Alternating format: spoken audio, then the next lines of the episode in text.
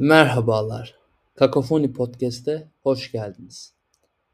Tabuya Rasta adını verdiğim bu konsepte okuduğum, izlediğim veya sadece üzerine düşündüğüm konular ile etkileşim kurmaktayım. Burada yapmak istediğim şey sizleri bu aktif düşünce sürecime davet etmek ve birlikte bilişsel bir keşfe çıkmaktır. YouTube'da videolu hallerinin yanı sıra notlarımı da paylaştığım bir format olacak. Onlara da bakabilirsiniz. Hepinize iyi dinlemeler diler ve bölüme davet ederim.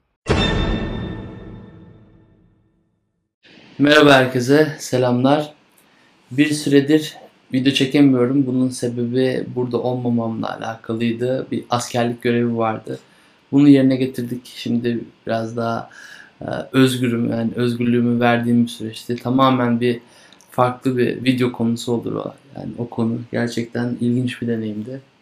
Güzelliklerinin de içinde olduğunu söyleyebilirim. E, değişik bir deneyimdi.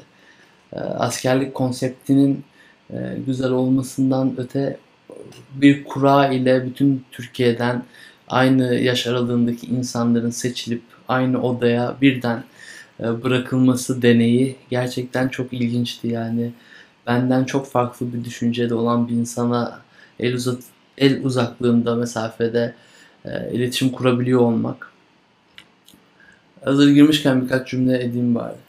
Yani biz biliyorsunuz ki biraz sosyal medyayla işte yalnızlaşan toplumumuz neticesinde biraz daha bireyselleşmiş bir alan, bireyselleşmiş bir toplum içerisindeyiz ve genelde bu yankı odalarında kendi düşüncelerimize örtüşen insanlarla etkileşim kuruyoruz. Ee, bu nedenle etrafında hep bizim gibi olacağını düşünüyoruz. Ancak bu ee, yani bu aslında toplum hakkında bir e, yanlış bir algı. Toplumun aslında sadece senin eriştiğin insanlar ve sadece senin gibi düşünenlerden oluşmadığı e, bir gerçek. Bununla yüzleşemiyoruz ama çünkü sosyal medyada beğendiklerimizi takip ediyoruz. Arkadaşlarımızı bizim gibi olanlar olarak seçiyoruz veya olmak istediğimiz insanlar olarak e, seçiyoruz ve böylece hep benzer insanlarla birlikte oluyoruz.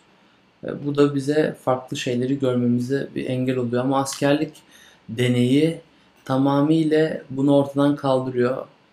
O kura ile seçilmiş insanlar aynı odaya birden atıldığında bütün farklı e, zihinlerle herkes birbirine maruz kalıyor böyle bir süreçte. E, böyle bir süreç çok iyiydi. Hele benim gibi seyahat etmeyi seven bir insan için o zihin, zihinlerde seyahat etme düşüncesi başka insanların zihninde yeni insanların zihninde takılmak gayet keyifliydi yani onların duvarlarını kendi duvarlarımı e, orada insanların birbirlerine uyumlanması gerektiğini vesaire vesaire güzel bir deneydi. Neyse ama bu konumuz değil. Bugünkü konumuz değil ama güzel yanını aktarmak istedim bu deneyin. Kadınlar biraz bunu deneyemeyeceği için şanssız diyebilirim. Ee, askerliğin kendi sistemini konuşmaya değer dahi bulmuyorum. Orada oluşturulan şeyin yani son bir cümleyle bir şey içimde kalacak yoksa onu söyleyeyim. Ee, insanlara işte tabiri caizse yani adam olmayı öğretiyorlarsa veya işte kurallara boyun eğmeyi, egonun diyeti gerçekleşiyorsa bunu oradaki insanlar için e, en bunu anlamayacak insana göre hazırlanmış bir platform. Yani en azami seviyeye göre gerçekleştirilmiş bir şey. Sen de o kendi seviyen onu çoktan geçmiş olsa bile yani bunları çoktan düşünmüş, yalayıp yutmuş veya davranışların o olgunluğu içinde yaşamış olsan bile en olgun olmayana göre olan kurallara tabi olman gerekiyor. Yani e, bu toplumu yönetebilmesi için askerliğin aslında bunu suçlamıyorum da yani o askerlik mantıksızlıktır vesaire alanındansa gerçekten fazla bir toplum olduğunda bu toplumu yönlendirmek için yani en hatasız yapılması için belki en azimi kurallar e, gerekli olabilir. Tabii ki oradaki insanlar da oradaki simülasyonun e, simülasyonun şeyine kendini kaptırmıştı. Yani orada bir asker bir çavuş dahi olsa senden sadece 6 ay fazla orada olacağından dolayı orada olsa bile kendisini e, bir asker olarak hissediyor. Bu personeller vardır ya Carl Jung'un e, şöyledir yani bir avukat avukat gibi davranır. Bir e, doktor doktor gibi davranır. Yani o edatı yerine getirebilmek için o kurulmuş o manaya kendisini dönüştürür. E, şimdi biz oraya giden erler olarak aslında kimliğimiz bırakılarak oraya geldik. Yani benim burada yaptığım liman müdürlüğü işte vesaire bütün o e, şaşa şu bu onları bırakarak oraya geliyorum. Sadece bir üniforma giyiyorum herkes gibi. Burada tamamen zaten kimlik bunu yani bunalım değildir. Ama kimlik geçişi gerçekleşiyor. Sen başka bir kimliğe sen oturtuluyorsun ve öncesinin bir önemi yok orada. Sen orada askeriyede bölük ve işte e, koğuşunun numarası ve kendi numarandan ibaret bir e, yapı taşısın. Oradaki her birey böyle.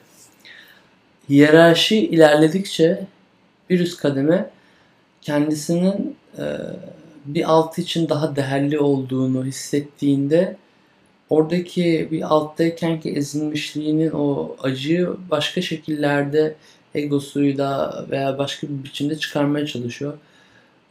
Bunu görüyoruz. Yani orada belki de gerçek sosyal hayatta e, bu gücü elde edememiş insanların orada sadece fazla zamanla e, kazanabileceği gücü başkalarına kullanırken onların işte aslında bu gerçek hayattaki kayıplarını oradaki askerlik simülasyonundaki kazancına dönüştürmeye çalıştıklarını görüyoruz.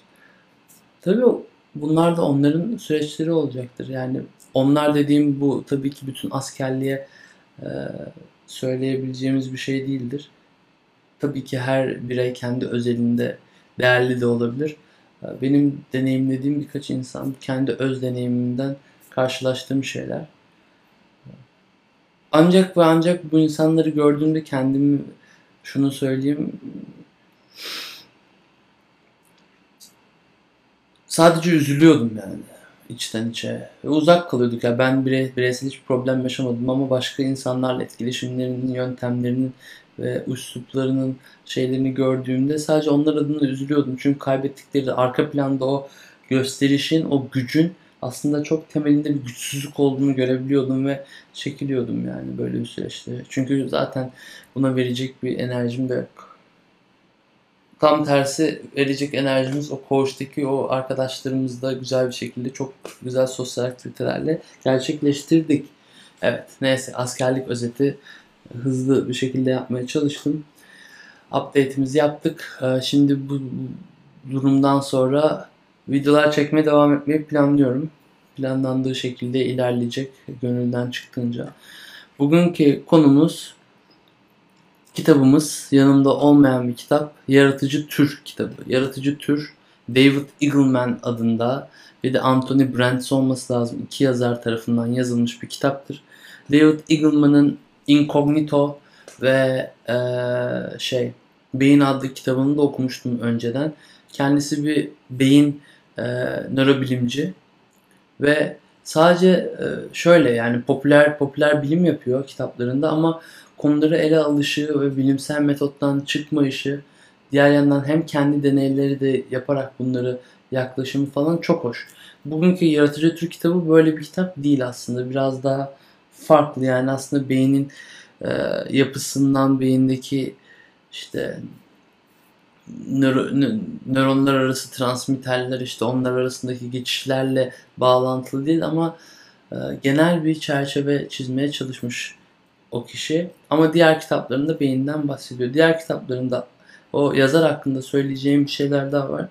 Yazar beyni e, önüne koyarak beyni algılamaya çalışıyor bilim e, aracılığıyla elindeki alet bilimi olarak ve buradan çıkarttığı sonuçları hayatın temel felsefik sorularına yöneltiyor. Mesela özgür irade var mıdır? Incognito'da bu böyle bir bölüm vardı. Ben Incognito'nun videosunu yapmayı da düşünüyorum. Çok güzel bir kitap çünkü. Veya işte hukuk nasıl bir pozisyon almalıdır özgür irade yoksa gibi yani hukuk, sosyoloji, psikoloji vesaire vesaire gibi sosyal alanlara da bilimin yani o beyinden öğrendiklerinin beyni anlayarak e, mikrodan makroya gibi yani o böyle bir açılım yapıyor bu kitapta da. İlk Kognito'da özellikle. Beyinde zaten beyin anlatıyor. Ee, bir gün onun videosunu da yapacağım. İlk Kognito'yu Türkçe okudum. Beyni İngilizce okudum. Büyük ihtimal Kognito'nun videosunu yaparım. Tamam. Kitabımıza geri dönelim. Kendi kitabımıza ben screen share yapıyorum şu andan itibaren. Share screen desktop. Evet. Ah. Bu devam ediyor mu? 2 saniye kontrol. Tamam. Şimdi share screen yaptık. Yaratıcı tür. Konu başlıkları ile başlayacağım.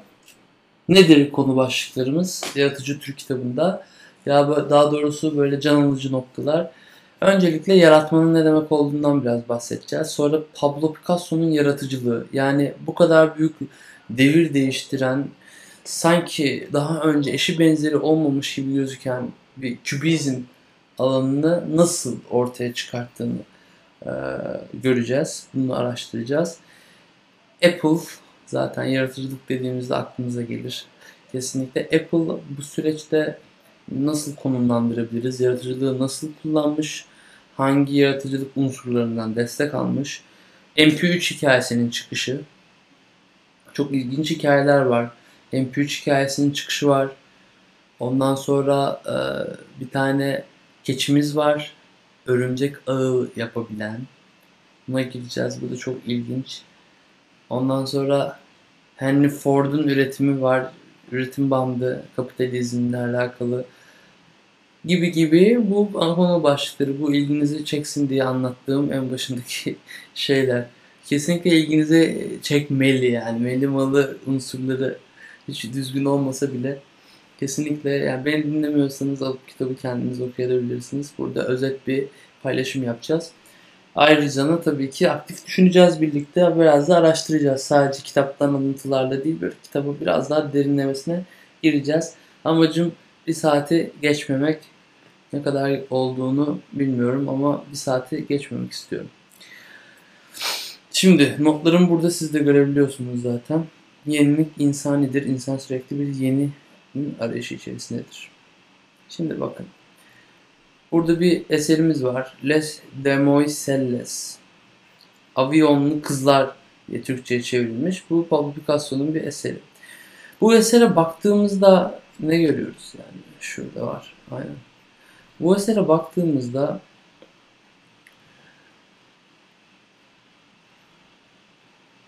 böyle bir şey görüyoruz değil mi? Yani şimdi bu eserin bu noktaya gelmesini e, araştıracağız. Nasıl bu eser ortaya çıkmış? Pablo Picasso'nun zihni bunu ortaya nasıl çıkartmış?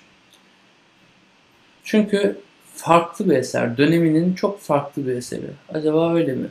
Şimdi bu konuya girmeden önce bu yanında bir dursun çünkü bu resme ara ara geleceğiz zaten. Açacağım fotoğrafında. Şimdi yenilik insanidir diye başlamışız. İnsan sürekli bir yeninin arayışı içerisindedir. Örnekler olarak yani biz kendi dünyamızda da bunu düşünebiliriz. Mesela zaten şöyle söylemler ve bence gerçekler de vardır. İnsan sürekli yaptığı şeyin aynı ve rutine bağlandığında bir noktada onun için e, zaman mehrumu da hızlı bir şekilde tükenmeye başlar. Kendisi de tükenmeye başlar ve e, bu rutin içerisinde biraz e, konfor alanı veya insan rutini istemesine rağmen yani oradaki konfora karşı olan istekliliğine rağmen o rutin o insani olma durumunu ondan alır. İnsani olma durumunun içerisinde bir yaratıcılık vardır.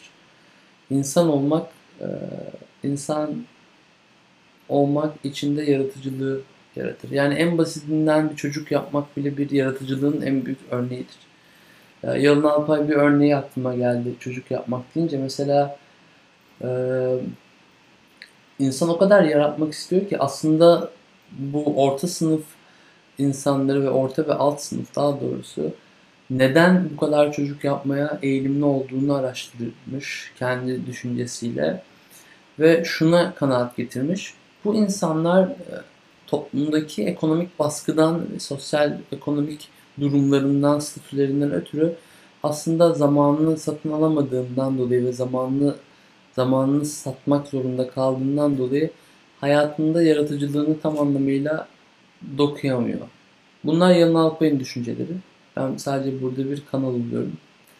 Bu insanların bu zamanını dokuyamadığı bu dönemde yaratıcılığı da yerine getiremiyor. Tek yaratabileceği bir alan olarak çocuk yapmayı seçiyor ve o gör çocuğundan yapılan çocuktan da e, işte bu benim eserim gibi bakıyor. Yani ona bağımlı oluyor artık. Çünkü sosyal hayatında veya işte kendi kariyerinde bunu sağlayamadığı için rutine bağlı çalışmalar içerisinde kaldığından dolayı çocuğu onun yaratıcılığının çıkışı oluyor. Kendisini var etmesini, e, kendi kendini var etmesini. Düşünülebilir bu konu üzerine. Böyle bir şeyin olduğunu düşünüyorum. Kendi düşüncem olarak. Ama e, e, siyah ve beyaz kadar keskin olduğunu düşünmüyorum. Devam ediyoruz. İnsanın yeniliklerinden bahsediyorduk. İnsan yenilik ister. İnsan her zaman yenilik ister. İnsan yaratmak ister. İnsan devam etmek ister. İnsan konfor ister ama insan konforsuzluk da ister. İnsan insan aç gözlü bir maymun olarak çok çoğu zaman her şeyi ister. Fanteziler ister. İnsan e, mucize ister. İnsan din ister. İnsan olmayacağın olmasını ister. Ya bunların hepsi e, totalinde isteme arzusunun, libidonun dışarıya çıkışı e, çok yönlü olabilir. Ve bunların arasında çok büyük bir yer yenilik. Şimdi bakın yenilikle alakalı örnek olarak şuradaki fotoğraflara bakalım. Burada bir bisiklet fotoğrafları var. Yani bizim çok basit e, düşündüğümüz bir sandalye, masa gibi e, formunu hayal ettiğimizde ideası çok sabit olan şeyler bile e, artık çok değişik bir şekillerde. Yani sadece form forms follow function şeklinde değil. E, tasarımsal olarak bir yenilik şeklinde de hep e, kapitalizm tarafından bize veriliyor ve biz bunu istiyoruz çünkü. Yani onda yani bunun driver'ları, içsel driver'ları çok farklı ama biz o yeniliği istiyoruz. Bize sunduğu çözüm aynı olsa bile farklısını istiyoruz. Bakın burada bir tane bisiklet. Belki sunduğu çözümler farklı olabilir. İki tane çok farklı bir tasarımda bisiklet. Ve bunların e, kitapta da bundan bahseder. Sınırsızlığından bahseder. Sınırı yoktur der. Bir e, şeyin dahi siz söyleyin Şemsiyenin dahi binlerce patenti olabilir bir şemsiyenin bile çok farklı biçimleri vardır. Her yenilik ancak şöyle bir durum var. Bunu beyin beyinle alakalı yaptığı analizde de bunu görüyoruz. Her beyin yeniliğe alışıyor. Yenilik yeni bir şey. Yeni bir normale dönüşüyor. Bu hepimizin bence yaşadığı bir durum. Ee, çok istediğimiz bir şeyi aldığımızda işte üçüncü haftasında ondan sıkılmaya başlamamız yani artık isteyecek başka bir şey bulmamız bunun aslında aynı şeye e, fazla maruz kaldığımızda beyin alışıyor. Bunun beynin üzerinde EKG, ECG mi bir testler yapılıyor bilmiyorum. O testlerde bir şeyi sürekli göstermeye başladığınızda gösterme sıklığı arttığında aynı şeyi, aynı görüntüyü, aynı deneyimi beyin en başta çok aktifken gitgide aktifliği sönmeye başlıyor. Yani siz aynı şeyi sürekli yaparsanız beyniniz de aslında bir noktada sıkıldığından aynı aktiviteyi, en baştaki gördüğü aktiviteyi gerçekleştirmiyor. Yani bunu insanların sosyal hayatında örneklemek gerekirse ee, evliliklerden sıkılan insanlar aklımıza gelebilir mesela. Yani aynı kişiyi sürekli gördüğünden dolayı hmm, artık ondan sıkılmaya başlaması.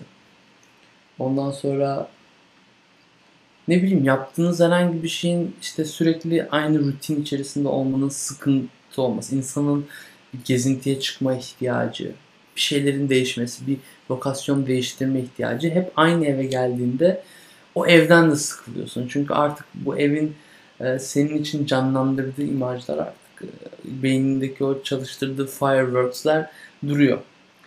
Bu da bunun bir sonucu. Evet. Böylece aslında bir noktada şöyle bir durumumuz var. Yani insan aslında ikiye ayrılmış. Çünkü bir yerden de rutini ister insan. İnsan neden rutin ister? Rutin bir konfordur.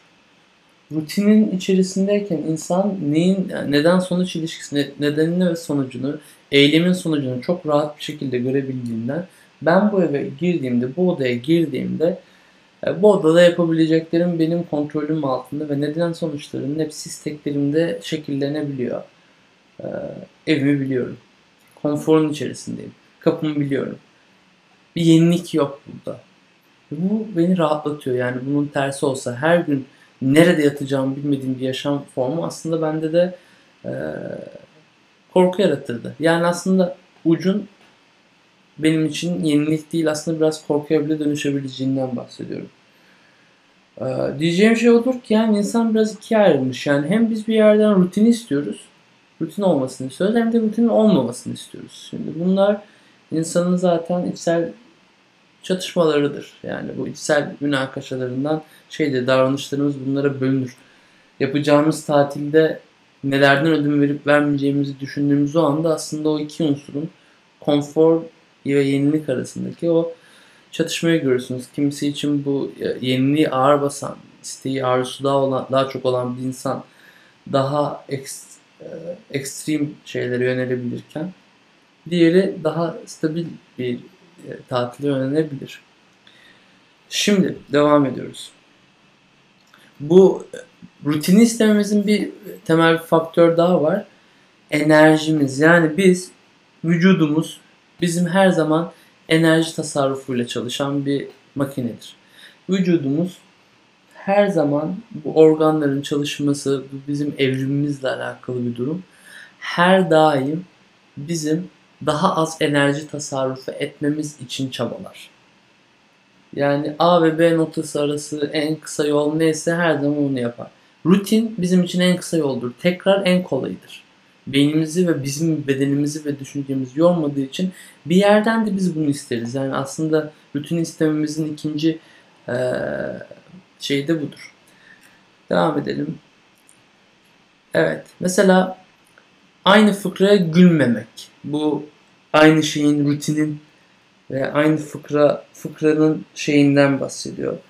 Bir fıkraya bir kere gülersin, iki kere sürekli karşına geldiğinde e, buna maruz kaldığında o beyinde anlattığım gibi gülmemeye başlarsın. O aktivite gerçekleşmez. Peki fıkra neden komiktir? Bunu hiç düşündünüz mü? Yani fıkrayı komik kılan şey nedir? Fıkranın yapı taşları nedir? Düşünün abi. Yani fıkra dediğimizde bir fıkranın e, yapısı vardır. Fıkra en başta normal başlar. Der ki temel Alman Fransız. İşte der Fransız der başlar. Bunu yapıyor. Alman ikinci taraf bu fıkrada örnek temel Fransızdan gidiyorum. Alman işte birinci ne yapıyorsa ikincisi de ona uyumlu yapar. Sen beklersin böyle o seni kıvırtır yani o fokurdatır bir kettle'ın içerisinde kaynamak gibi. Yani o patlayacağı o kettle'ın tık yapacağı ana yaklaşmak gibi bir şey bu yani. Bekletirsin. 3. Fransız, İtalyan. İtalyan da öyle yaptı. Hepsi birbirini destekliyor. Sana hazırlar ve en sonunda temele geldiğinde bombayı patlatır. Hiç düşünmediğim bir şey sana söyler. Şok olursun. Seni güldürmesi için seni şok etmesi lazım. Gülmenin iksiri yani olabilmesini sağlayan unsur şok etmektir, şaşırtmaktır. Şaşırtmak insanı güldürür. Şaşırtıcı şey insanı güldürür. Farklı olan güldürür. Kendinizin güldüğünüz şeylere bakın. Genelde şaşırma oranınız ne kadar fazlaysa o kadar gülüyorsunuz. Aslında e, bu türbülans gibi bir şey yani ne kadar orada bir boşluk varsa ne kadar o belirsizlik o hiç tahmin edemeyeceğin yere götürüyorsa o seni o kadar aslında sana gülme fırsatı da yaratabiliyor. Tabii ki bu ahlaki unsurlara çarparsa size kavga fırsatı da yaratabilir. evet. Fıkranın komik olmasının temel sebebi her zaman öngörmeye çalışan zihni şaşırtmasıdır. Konularımız biraz fazla olduğu için yaklaşık 20 sayfa belki de. O yüzden biraz böyle hızlı hızlı konuşuyorum. Umarım rahatsız etmiyoruzdur. Skemorfik tasarım. Abi nedir bu skemorfik tasarım? İsmi çok hoş. Skemorfin gerçekten bir şeyine bakalım mı? Skemorfik etimoloji diyelim. Ama bunu böyle skemorfik yok yani skemorfik zamanımız var dedim. Girdim nerelere giriyorum şu anda. Görüyorsunuz değil mi? Bunlar yanlış hareketler gibi gözükebilir. Ancak heh. Sensini bunu salıyoruz arkadaşlar bu kelimeyi. Ben zaten size anlatacağım ne demek olduğunu. Sadece görmek ayrıca istemiştim. Eskiden esinlenerek ve eskiden bir parça yeni tasarımda kullanması skemorfik tasarımdır. Skemorfik kelimesinin nasıl geldiğini merak etmiştim. Bulamadık ama kitapta bu şekilde zaten tanımlamıştı. Eskiden esinlenerek yeninin gerçekleşmesi. Örneğin iPad kitaplığın şelflerde sahip olması. Yani kitaplığın raflarla. Bakın hatırlıyor musunuz bu görseli? Gelelim. Bu görseli hatırlıyorsunuz değil mi? Yani iPad gibi bir alanda gerçekten rafa ihtiyacımız var mı? Yok. Ama Apple'ın gördüğü şey senin buna yani aslında iPad'in buna ihtiyacı yoktur ama kullanıcının kendisi e, ürünle daha iyi bağdaşlaşabilmesi için böyle bir tasarım yolu izlemiştir. Bu bir geçiştir. Mesela skemorfik tasarımlara başka örnek düşünelim. Mesela ne bileyim e, ok işareti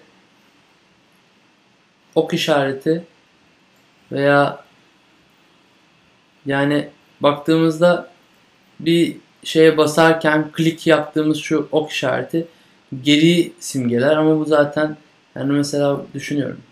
Şu an yaratmaya çalışıyoruz. Eskiye eskiden esinlenerek yapılan şeyler. Aslında gerek olmamasına karşı. Mesela buldum. Telefonla, telefonlarda telefon işareti bu eski ankesörlü telefonu oraya koymaları. Yani sanki oraya o imajı koymanız gerekiyor. Yani orada aslında eskinin bizde uyandırdığı bir şey var. Eskiden esinlenerek yeni. Örnek aklıma Cem filmi geldi. Şu hareket. Camı aç. Yani orada anlatım insan aslında e, eskinin e, insan bir bellektir ya. Yani insan dediğimiz şey aslında bu yaşam deneyim havuzunda işte kendi deneyimlediği şeylerin totalidir, total, totalitesidir yani. E öyle olunca biz hepimiz o araba geçmişinden geldiğimizden dolayı en azından bu kuşak için yani. Belki Z'den sonraki alan Z. Bu kuşak demek kelimesini de sevmiyorum. Hiç. Çok genelleştiriyor yani ekonomik bir e, çıkar için yapılmış bir çalışma gibi biraz. Ayrı bir konu bu e, zaman diliminden sonra doğanlar için mesela bu baş bir şey ifade etmeyebilir gibi. Ama öncesi için ortak bir bellekten geldiğimizden biz o bağlantıları arıyoruz. Kitapları her zaman raflarda gören bir insan iPad kullanırken kitabı rafta orada gördüğünde daha kolay oraya adapte oluyor. Böyle bir alan yaratmış. Sonra e, nöronlar konusuna gelmişiz. Mesela davranış repertuarı bu kelimeyi kullanıyor. Ben bu çok hoşuma da gitmişti. Güzel bir tanımlama. Davranış repertuarı nedir? Bizim yapabileceğimiz davranış kombinasyonları. Yani davranışlarımızı böyle eğer ki yapı taşlarına küçük parçalara bölersek her aslında bir davranış bir cümle ise yani hareket belki şey dersek bir kelime ise davranış bir cümle ise ben her seferinde şu anda anlatımında el hareketlerimi kullanmama kadar farklı farklı alanları farklı kombinasyonlar yapabiliyorum ve bunların her bir kombinasyonu aslında benim davranış repertuarım oluyor. Bu konuda şuna geliyor. Arının beyninde 1 milyon tane nöron var. Ve arının da bir davranış repertuarı var. Nedir? Gidip balını alması, çek yapması ve o işte içgüdüler vesaire biliyorsunuz. Uçmak, şu bu. Hepsi bir davranış, kaçmak. Ee, insanın da bir davranış repertuarı var ama insanın beyninde 100 milyar tane nöron vardır. Nöron sayısı davranış repertuarı ile paralellik ilerler. Ancak ve ancak şöyle bir durum var. Bunu kitapta anlatmıyor. Ee, Güven Güzeldere'nin açık bilinç şeyinde dinlemiştim podcastinde. Çok güzeldir bu arada. Onu da kesinlikle öneririm. Her sabah dinliyorum. Çok değerli bir insan benim için. Her gün onu dinliyorum. Şimdi Güven Güzeldere şöyle bir e, konuk almıştı geçenlerde. O konukta şöyle bir muhabbet geçmişti. Bilim yine Yasemin bir hatırlamıyorum ismini bir hanım profesör diyor ki mesela eğer ki nöron sayısının fazlalığı bizim zekamızı gösterecekse o zaman filler insanlardan zeki. Hayır böyle olmuyor. Sadece nöron sayısı burada bir şey değil. O sadece bir e, parametre. Doğruluk payı var ama şunu da eklememiz gerekiyor. Belli bir oran var. Bir altın oran gibi. Vücudun beyne oranı yani şu kütlenin şu buranın vücudu oranı mesela atıyorum e, bir nokta bir şey. Bu oranı fazla olan daha zeki oluyor. Yani beyni vücuduna göre daha büyük olan zeki oluyor. Ve insan bütün canlılar arasında bu oranda en fazla şeye sahip olan. Yani ne oluyor? Buradan ne çıkartıyoruz? Hem bu oran olarak üstte olması lazım hem de nöronları da fazla olması lazım. Bu da davranış repertuarını aslında kadar geniş olabileceğini bize açıklar. Devam ediyoruz. Konudan konuya böyle atlayacağız biraz. Bizlerde evet otomatik davranışlar. Tamam şimdi şöyle bir durum var. Arkadaşlar biz nasıl öğreniyoruz? Öğrenme 101. Yani bir şeyi öğrenirken ben öğrenme deneyimini sıkça yaşıyorum. Bu enstrümanlarla veya başka şeylerle oluyor. Bir şey öğrenirken aslında ilk önce e, mesela bir enstrüman örneğini vereceksek şimdi gitar örneğini verelim. İlk önce onun notalarını öğreneceğiz değil mi? Onun her bir e, perdesinde, her bir noktasında nasıl ses çıkardığını öğreneceğiz. Sonra ilk önce onlar beynimizde bir haritada bir yerlere oturacak. Bunlar öğrenildikten sonra bunlar arasındaki bağlantılar öğrenilecek. Bunlar da öğrenildikten sonra bunlar için parmak egzersizleri yapılmalı ki parmağımız otomatik olarak çalışabilsin.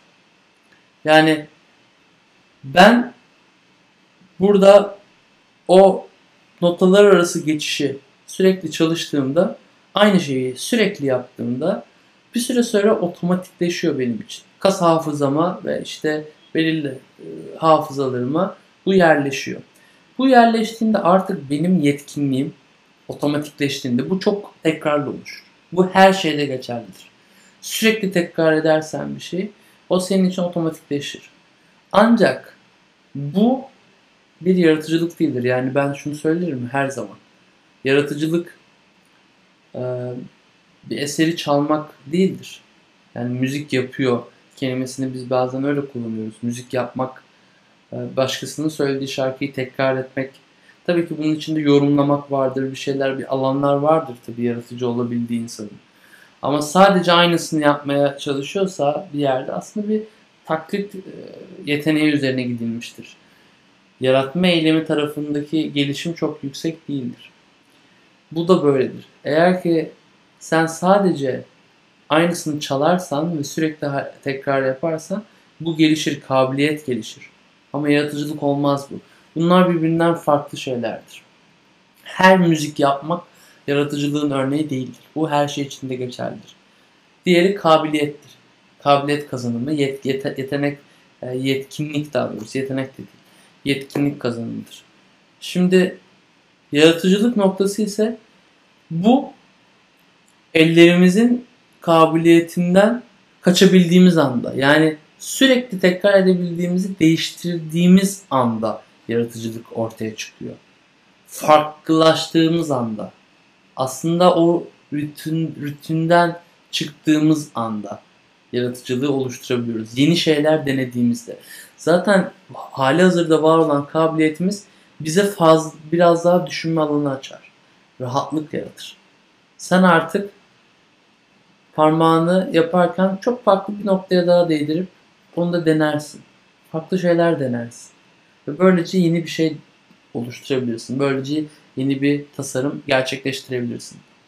Bu yüzden Arthur Koestler de demiş ki yaratıcılık alışkanlıkların özgünlük aracılığıyla yıkılmasıdır. Yani benim deminden beri söylediğim her şeyi tek cümleyle özetlemiş. Gerçekten e, buradan saygılarımızı iletiyoruz. Yaratıcılık alışkanlıkların özgünlük aracılığıyla yıkılmasıdır. Alışkanlıklar. Evet. Yani bu bir enstrümandan örnek verirsek belki o parmak alışkanlıkları olabilirdi. Sürekli tekrarın özgünlük, özgünlüğün oluşması ne demek? Senden bir parça, özgün, senden farklı bir parça ile oraya koyulması bir yaratıcı hale getirir. Başka bir cümlemiz daha var. Bunu not etmişim beğenmiştir. Umut yaratıcı spekülasyonlardan bir biçimidir. Evet gündelik hayatta çok kurduğumuz bir şeydir umut. Hep e, hatta şöyle bir söz vardır. İnsan önce bir şeye inanır. Ondan sonra onun nedenlerini e, meşrulaştırır. Önce inanır sonra neden arar. Umut kurar. Yaratıcı geleceğe dair bir e, olası bir gelecek simülasyonu yaratır. Ve bu gelecek simülasyonu bir umuttur. Bu da şu anki gerçekli, gerçekte bir spekülasyon aslında geleceğe dair. Bir tasarruftur geleceğe dair. Ve bu ne spekülasyon? Spekülasyon her zaman olumsuz olacak diye bir şey yoktur. Geleceğe dair bir tasarruf bir spekülasyondur. Umut da bunların yaratıcılığın biçimidir. Bir şey umut ediyorsak bir şey kurguluyoruz gelecekte olmasına dair. Bunu bekliyoruz. Beklenti haline geliyoruz. Mesela Bitcoin'in yükselmesi gibi. Çoğumuzun beklentisidir. Şimdi devam ediyorum. Yalnız sanatçı miti. Önce e, insanların şöyle bir algısı oldu. E, bu çünkü iyi satan bazı şeylerin oluşmasında genellikle ekonomik kaygılar hep vardır. İyi satan şey nedir? Kahramandır mucittir. Ondan sonra hero'dur. Yani ulaşılmaz olandır. Mükemmel, mucize adamdır. İyi satar. O yüzden yaratıcı sanatçıyı da ve böyle üstadları bu herhangi Leonardo da Vinci'sinden işte ondan sonra o deha sahibi olan düşünebildiğiniz bütün e, sanatçılar Michelangelo, Van Gogh, şu bu hakkında her zaman başka kurgular yaratılmıştır. Yaratıcı adam yalnız kalmalıdır. Bir mağara mit, şey, mitik yani o adam bütün o deneyimlerin sonunda mağarasına çekilmelidir ve mağarasında düşünmelidir. Ve eline alıp e, tabloyu işte fırçayı orada yeni akımlar yaratmaktadır. İşte aldığı şiir öyle falan. Böyle bir şey yok. Kitap bunu çok güzel insan bende yıktı gerçekten e, bir insan yaratıcı olması için sürekli dışarıdan beslenmesi gerekiyor. Aktif olması lazım. Bir insan yalnızlık içerisinde yaratıcı olamaz. Çünkü insan kendisini e, konumlandırdığı yer yaratıcılıkta çok önemlidir. Ne kadar dışarıyla aslında e, etkileşim halindeyse kendini var etmesi insanın başkasının gözünden e, gerçekleşir. Yani o var olman bir noktada başkalarıyla olan etkileşimdir. Yani benim varoluşum, benim özüm bir noktada tekillik değil tinsel. Hegel'in bunu tinsel olarak açıyor. Pardon.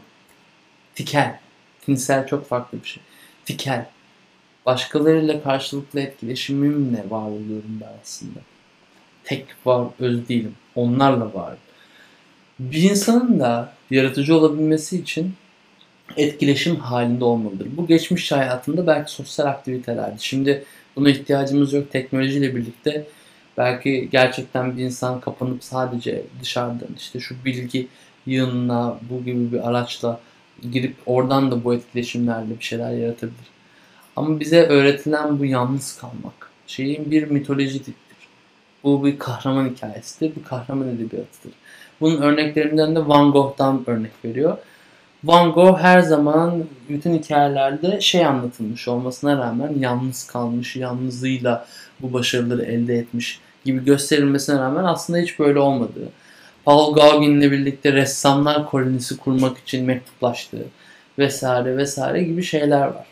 Burada bunu antitez yani o tezi yok yok etmeye çalışıyor. Burada bir tane Van Gogh'un eserini görüyoruz. Burada gördüğünüz gibi e, bir Van Gogh sanki tek başına durmuş ve o yalnızlıkla, o yaratıcılığın birliğini yaşıyor. Devam ediyorum. Tabii ki bu eser eseri benden öğren, öğrenmeyin. Yani bu eserin anlattığım Van Gogh olmadığına eminim. Söylerken bile bundan eminim. Siz de bu eserin kendisine bakabilirsiniz. Şimdi deniz üzümü hikayesi. Deniz üzümü diye bir canlı var arkadaşlar. Şimdi bu canlı aslında bizim en başta bahsettiğimiz şeyi hatırlıyor musunuz? İnsan veya insan dışında evrimi bütün canlılar en az enerjiyi sarf etmenin yolunu arar. Deniz üzümü şöyle bir canlı. Deniz üzümü doğduğunda beyni var. O adamın beyni var. Adam. Bu deniz üzümü e, beynini kullanma amacı yani küçük bir canlı. Zaten hadi bir bakalım bu nasıl bir canlıymış ya. Ben çok biliyormuş gibi bir yerden de anlatıyorum. Da zaten şeydeyiz. Deniz üzümü diyoruz. Aynen. Böyle bir canlı işte. Ephedra distachaya. Gerçekten ilginç bir canlıymış. Evet. E, bu canlımız deniz üzümü canlımız kalıcı bir yer arayışı içerisinde ve beynini asıl amacı yani doğduktan sonra hareket haline geçiyor. Kalıcı bir yer bulduğunda da e, bu beyni bunun yer bulmaya sağlıyor. Artık nasıl sağlıyorsa oradan koordinatlar bilgilerini giriyorlar beynine. O işte oradan gelen sıcak su akımı şöyle böyle bir şekilde kendi yerini buluyor. En onun için optimum güzel yeri bulduğuna emin olduğunda artık beyne ihtiyacı olmuyor bu hayvanın. Dışarıdan besleniyor ama besinin alabileceği bir alanda var beyni ve kendi beynini yiyor. Çünkü zaten kalıcı. Bir bitkiye dönüşüyor gibi yani orada beyne ihtiyacı yok artık hayvansal limbik sistemine ihtiyacı yok ve beynini de yiyor. Bu çok manidar bir hikaye olduğu için aldım. Bunu mesela e, hem şunu anlatırken kullanabiliriz. Yani enerjinin insan için ne kadar önemli olduğunu anlamak için buna bakabiliriz. Hem de en kısa enerji yolunu seçtiğimizi yani. Hem de kullanmadığımız şeyin köreldiği ve aslında yok olduğu. Yani bu hikayede bize anlatan çok şey. Sen beynini kullanmazsan, sen fiziğini kullanmazsan e, gerçekten bunlara ihtiyacın yok yani. Mesela hemen örneklendirelim. Aklıma sürekli örnekler geliyor. Biz mesela vücudumuzu artık bu düzende çok kullanmıyoruz. Artık çünkü bizim vücudumuzun yapabileceği aktiviteleri gerekli teknolojik araçlar çok güzel bir şekilde ve yerine getiriyor. Diğer yandan kapitalizm bunu çok güzel uyumlanıyor. Getir diyorsun getiriyor. Yani ya ol diyorsun oluyor. İleride zaten sesli komutun belki yaygınlaşmasıyla artık ben böyle telefona bile gitmeden belki yemek buraya getirttireceğim. Yani şu hareketi yapmadan şu hareketler olacak. Ee, böyle bir dünyaya doğru ilerliyoruz. Yani bu ne yapıyor? Bizim eylemsizleştiriyor biraz. Aktifliğimizi yok ediyor. Ee, bunun sonucunda bedenlerimizde bu aktifsizliğe alışıyor. Bu aktifsizliğe çünkü artık doğal olarak sen eylemini normal şartlarda yani insanın özünde bir enerji dışarı, dışarı çıkacaksa bunun yapıcı yani bunun bir amacı olması lazım. Yani bütün evrimimiz buna göre. Yani deniz üzümü niye beğeniliyor? Kullanmadığı için. E sen bir amaca hizmet etmeyen şekilde e, amaca, amacın kalmadığı için fiziksel yavaş yavaş bunu kullanmamaya başlıyorsun. Bu da senin için bir fiziksel probleme evriliyor. Hatta öyle bir problemden kaçış yöntemimiz var ki gerçekten bunu insan olarak değil de böyle biraz daha uzaktan baksanız güleceğiniz bir şey bence. Koşu bantlarında koşan insanlar. Yani aslında spor yapmak e, çok önemli diyoruz. Spor çok önemli. Bu sporun yani yapmanın önemli olmasının sebebi geldiğimiz düzen öyle saçma ki spor önemli hale gelmiş. Yani koşu bandı gibi bir alet olduğun yerde ve koşuyorsun. Hiçbir amacı yok aslında yani evrimsel olarak. Bunu başka bir uzaylı gelse bizi görse bu adam ne yapıyor der yani. O aynı yerde duruyor ve efor sarf ediyor. Geçen burada ben zıplarken e, karşıma bir tane kuş geldi balkonda. Korktuğu kaçtı onu düşündüm yani. Kuşun tarafından baktığımızda ben zıplıyorum ama aslında zıplayacak ben spor yapıyordum. Zıplayacak bir sebebim yok yani aslında. Yani normal şartlarda insanlık tarihinde belki zıplamak böyle ani tepkiler ya saldırmak ya da kaçışta gerçekleşiyordu. Şimdi saldırmak veya kaçış gibi bir alanımız olmadığı için kendimize aynı yerde koşarken falan gibi durumlar yaratıyoruz. Spor yapmak önemli ama bizi e, sistemin ve aslında kendimizin ve toplumun bizi nereye getirdiğini görmek de önemli. O yüzden benim nacizane kişisel e, yaklaşımım spor yaparken e, bir yandan da başka bir şey dinliyorum. Bu belgesel ve podcast bir şeyler olabilir ki diğer yandan yani mantıklı bir şey olsun. Yani orada bir safe zaman var, bir zaman dilimi var. Bu bir şekilde değerlendirilsin. Sadece orada o aktiviteyle geçmesin. Neyse bu personal bir durum. Bu konuyu da anladığımızı düşünüyorum. Deniz üzümü üzerinden gittik. Steve Jobs'un iPod hikayesi. Aslında Steve Jobs icat yapmamıştır. Eskiden Kramer'in oluşturduğu, Kramer'in bir e, şirket ürünün depolama alanını genişletmiş ve içine farklı özellikler dahil etmiştir. Aslında iPod Apple tarafından bulunmamış arkadaşlar. Bakın burada görmüş olduğunuz ilk iPod bu diğer şirketten Pix 4S yazarsınız internete. Başka bir şirket tarafından yapılmış. Ancak bir problemi varmış bunun. Sabit hard diski yani onun içindeki hard diski depolama alanı çok düşükmüş. Bu nedenle içine koyabildiğiniz yani MP3 teknolojisi tam gelişmemiş. O işte zaten şeylerin bir şarkının kapladığı alan fazla. Hem de bu e, alet de düşük kapasiteli olunca kullanışlı olmamış. iPod ne yapmış? 2001'de bulunmasına rağmen 22 sene sonra tabi MP3 teknolojisi e, pardon Hayır burada bir yanlışlık var. iPod 22 sene sonra olsaydı 2000 23 olurdu. Burada bir yanlışlığımız var. Senesi önemli 2001'de Kramer galiba şey yapmış. Aradan 8-9 sene bunun zamanında şey yapmıyorum. Teknoloji de ilerledikten sonra buradaki fikri modifiye etmiş. Eklemiş. Sabit diskini büyütmüş. MP3'ler de gelişmiş. Böylece aslında Steve Jobs bir icat, yeni bir şey ortaya çıkartmamıştır. Steve Jobs yenilikleri birleştirmiştir. İşte burada buna geleceğiz. Yaratıcılık yenilikleri birleştirmektir. Yaratıcılık sıfırdan bir şey yaratmak değildir. Çünkü sıfırdan hiçbir şey yaratılmadı. Ya her şey zaten var. Gerçeklik dediğimizde bu bütün var olanlar kümesi ve sen var olanlar kümesinin dışında bir şey var edemezsin. Bu kümenin içindesin sen zaten var olan olarak en böyle e, derin rüyalarda gördüğümüz şeyin bile bir yaratıcılık olmadığını size şöyle anlatabilirim. Yani şey oldu, sıfırdan yaratmak olmadığını, yaratıcılık olduğunu ama sıfırdan yaratmak olmadığını şöyle anlatabilirim. Mesela e, rüyanızda atıyorum totem hayvan işte görüyorsunuz. Aslan kafalı, işte tilki kuyruklu, işte at göğüslü bir canlı. E, her biri aslında var olan canlılar olduğundan dolayı siz yeni bir şey yaratıyorsunuz ama sıfırdan bir şey yaratmıyorsunuz. Başkalarının şeylerini toplayarak yaratıyorsunuz o kavramı. Bununla alakalı arı analojisi vardır. Ee, bu da çok güzel bu buralarda. Arı analojisi evet. Arı bal yapmak için çiçeklerden bağları yağmalar ve en son kendi balını oluşturur. Aslında arı sıfırdan bal yaratmıyor. Çiçeklerden bunu sağlıyor.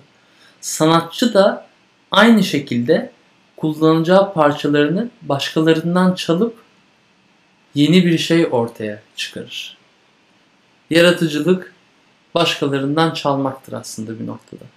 Hatta benim üniversitede biz e, hocanın ismini unuttum. Çok değerli bir hoca. Emre Emre bir şeydi. Onun dersi vardı. İnovasyon dersleri. Ben uluslararası işletme ticaret bitirdim. Ee, International Business. Şimdi onun derslerinde şöyle bir şey de demişti. Beni çok etkilemişti. Yaratıcılık uzaktakini e, burada başarılı olmak istiyorsanız Türkiye'de çok uzaktaki bir fikri çalacaksınız diyordu. Yaratıcılık çalmaktır diyordu o da.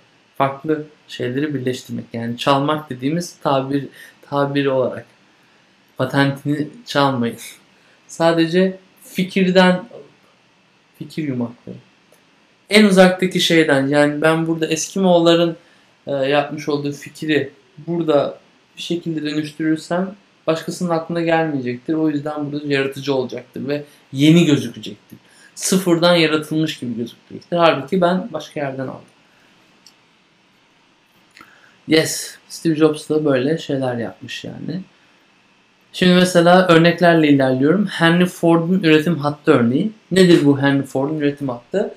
Ee, o döneme kadar arabalar yapılırken şöyle yapılıyormuş. Arabaların e, her birini nitelikli işçiye ihtiyaç olacak şekilde üretiyorlarmış. Mesela bir işçi var. O işçi arabanın kaportasından da anlıyor, motorundan da anlıyor, işte onun bir yerinden de anlıyor. Şimdi araba bir sürü bir departman aslında. O işçi her şeyinden anlıyor ve o işçiler toplu şekilde her şeyini birlikte yapıyorlarmış en başında. Ama şöyle bir dezavantajı var bu durumun.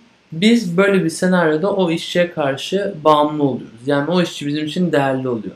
O işçinin değerini yok etmenin tek yöntemi işi bir işçide toplamak yerine işi e, yatay ve horizontal olarak vertical vertical olarak yerleştirmek alanlara bölmek. Kaporta, şu, bu, boya, o, bu şeklinde işi bölmek. O zaman bir boyacı yapacağı iş çok daha standart olacağından dolayı daha düşük seviyede bir e, nitelik gerektireceğinden dolayı o adam değiştirilebilir hale gelecektir. Birincisi Henry Ford'un yöntemi şu şekilde üretim bandı yapıyor. Bir araba fabrikanın bir ucundan giriyor. Yapıla yapıla yapıla işte kaportası yapılıyor, işte o yapıyor, bu yapılıyor artık her departman. Araba olmuş şekilde çıkıyor. İşçiler de farklı departmanlara bağlı. Henry Ford bu fikri yap, yaparken nereden ilham almış biliyor musunuz? Kendi daha önce çalıştığı lojistik kuryecilik, kuryecilikten fikri. Yani o da bir şeyden çalmış bu fikri. Herkes bir şeyi yaparken bir şeyden çalıyor sonuç olarak. Bunu böyle e, şey yapabilirsiniz. Ama derinlemesine gidersek bu konu çok, çok ilginç. Kendisi o bağımlılığı insana karşı bağımlılık kırdıktan sonra çok büyük avantaj sağlıyor. Niteliksiz işçilerin aslında nasıl avantaja dönüştürüyor. Bu noktada o zaman sen nitelikli işçiye vereceğin maaşın da aslında niteliksiz işçiye vereceğin maaş da aslında böylece gerçekleşiyor. Devam ediyorum. Picasso. Şimdi en başta bahsetmiştik. Picasso'dan merak uyandırdı. Şimdi Kubizmin esin kaynağı Cezanne'dir. Bakın burada Cezanne nasıl okunuyor bilmiyorum. Burada Cezanne'nin eserlerini göreceksiniz. Şimdi bakın siz de göreceğiniz üzere yani o kübizmdeki o bölmeler var. Yani bir fırça darbesi gibi ama yani o parçalamayı biraz görebiliyorsunuz. Biraz daha değişmiş eserleri böyle incelerseniz Cezanne diye yazılıyor kendisi. İnternetten daha fazla eserini de görebilirsiniz. Bu Cezan neden esinlenmiş Kübizm? Diğer yandan size en başta gösterdiğim Les Demoilisos de Avignon, Avignon'un kızları eseri hatırlayın şuradaki. Yaparken de evinde olan diğer bir eserden esinlenmiştir. El Greso, 5. muhrunun açılışı. Bakın. Burada da kadınlar, burada da kadınlar. Ellerinin açışı. Bakalım. Burada elini açmış olması, duruşları, bakışları 1, 2, 3, 4, 5, 6, 1, 2, 3, 4, 5 tane var burada. 1, 2, 3, 4, 5. Tabi burada sayılar falan şey değil. Bakıyorlar Pablo Picasso'nun biraz da böyle e, şey gibi anlatıyor kitap zaten. E, dedektif hikayesi gibi. Evinde bunu bu eseri buluyorlar. Sonra evinde bu şamanik e, eserleri, şeyler, heykelleri bu görüyorlar. Bu şu anda şöyle anlatacağım. Kafası böyle uzun. E, şamanik dediğim bakmayın. Kızılderili, işte Aztekli e, şeyleri, motifleri vardır ya uzun kafalı heykeller. Evinde öyle heykeller var. Bakın burada Lestomirisos'ta buna da biraz kafalar benziyor. Yani tabii ki biz e, bunların esinlendiğini söylüyoruz. Bunlar çünkü Picasso dediğimiz insan da etrafında ne varsa onlardan aldığı kümülatif o bilginin sonucunda bir şeyleri harmanlıyor. Şimdi geleceğimiz konu yaratıcılığın unsurları. Daha hiç girmemişiz gibi. Bu kadar konuştuk. Yaratıcılığın unsurları nelerdir? Nasıl yaratılıyor? Yaratıcılığın yapı taşlarına bakacağız. Bakın birinci unsur bükme. Polonya'da bükülmüş bir bina. Bunu gördüm ben bu arada. Bunu görmüşsünüzdür. Bükmeyle yaratıcılık. Parçalama. Yoga Portal Fragmentendos. Bakın bu eser. Bir kısmı alınmış. Bir eser parçalanmış. Ya da harmanlama. Bakın bu o shit. Anlamları anlam harmanlamış. Bu bir kağıt gibi shit ama aynı zamanda bir kayak gibi de kullanmış. Orada örtüyü. Ondan sonra burada eserlere devam ediyoruz. Piramit. Zoom in zoom out. Onlar şurada görmüş olduğunuz şeyler yuvarlaklar tuvalet e, şeyi ruloları. Tuvalet ruloların içerisinde böyle eserler gerçekleştirmiş. Ev gibi kullanmış. Bakın V.K. Muniz Kumdan Kale. Ben bunu gerçekten gördüm bu arada. Bu eseri görmedim ama e, farklısını gördüm. Bu eserdeki özellik burada görmüş olduğunuz resim bir kumun üzerine çizilmiş. Kum tanesi. İnanılmaz bir e, mikro bir iş var burada. Buradaki e, durumda şu var. Ben de kendim kıldan daha kılın ucundan daha küçük şeylere e, yapılmış heykellerin olduğu bir e, şeye gittim e, müzeye gittim. Bu müze Balkanlarda yanlış hatırlamıyorsam Sırbistan'daydı. Çok etkilemişti o da. İlginçti baya yani. Şok olmuştuk yani. Çünkü mikroskoplarla bakıyorsun. Şimdi bunlara devam edersek örneklere mesela bunların hepsi bükme, parçalama ve e, harmanlama içinde barındırıyor. Mesela zaman bükümü. Zaman da mesela filmlerde zaman bükülür. Ben bu daha önceki videolarda da yapmadım. Belki ileride yaparım. Kat yapmak aslında tak tak tak geçişler bir zaman bükümüdür. Senin gerçekliğini kırar. Mesela 300 Spartalı filmini hatırlayın. 300 Spartalı filminde ne vardı?